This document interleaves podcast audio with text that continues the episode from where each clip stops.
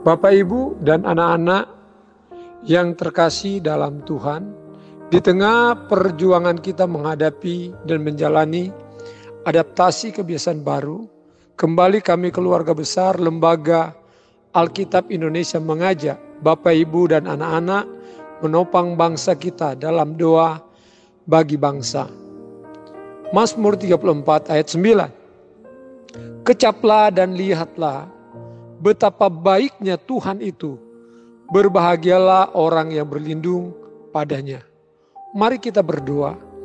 Kami bersyukur kepadamu Bapa yang baik di dalam nama Tuhan Yesus Kristus.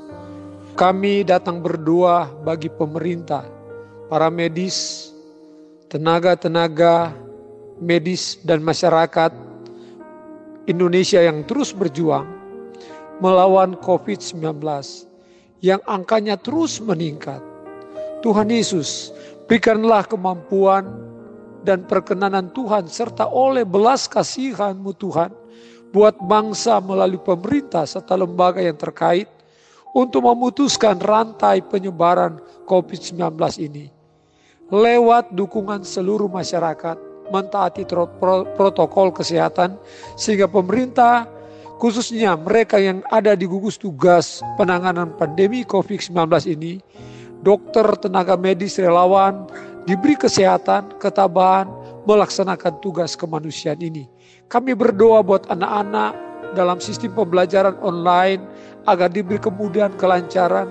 Engkau sumber hikmat akal budi memampukan anak-anak kami dalam begitu sistem pembelajaran online dalam rangka adaptasi kebiasaan baru ini kami berdoa untuk perekonomian keluarga-keluarga dan para pekerja di semua sektor agar tetap mereka semangat, tetap terus mendatangkan semangat juang sehingga ada berkat. Karena dampak pandemi COVID-19 ini telah merubah banyak hal dalam kehidupan rencana masa depan.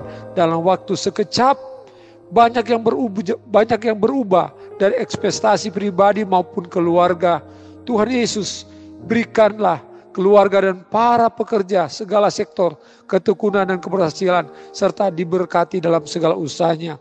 Bagi penemuan dan percobaan vaksin COVID-19, Tuhan biar berjalan dengan sukses sehingga vaksin ini bisa ada buat kami. Kami berdoa juga buat pelajar dan mahasiswa dalam pendidikan jarak jauh, pembelajaran jarak jauh, Tuhan berikan kesehatan, hikmat, serta tanggung jawab dalam proses pembelajaran jarak jauh sehingga mereka sukses dan berhasil.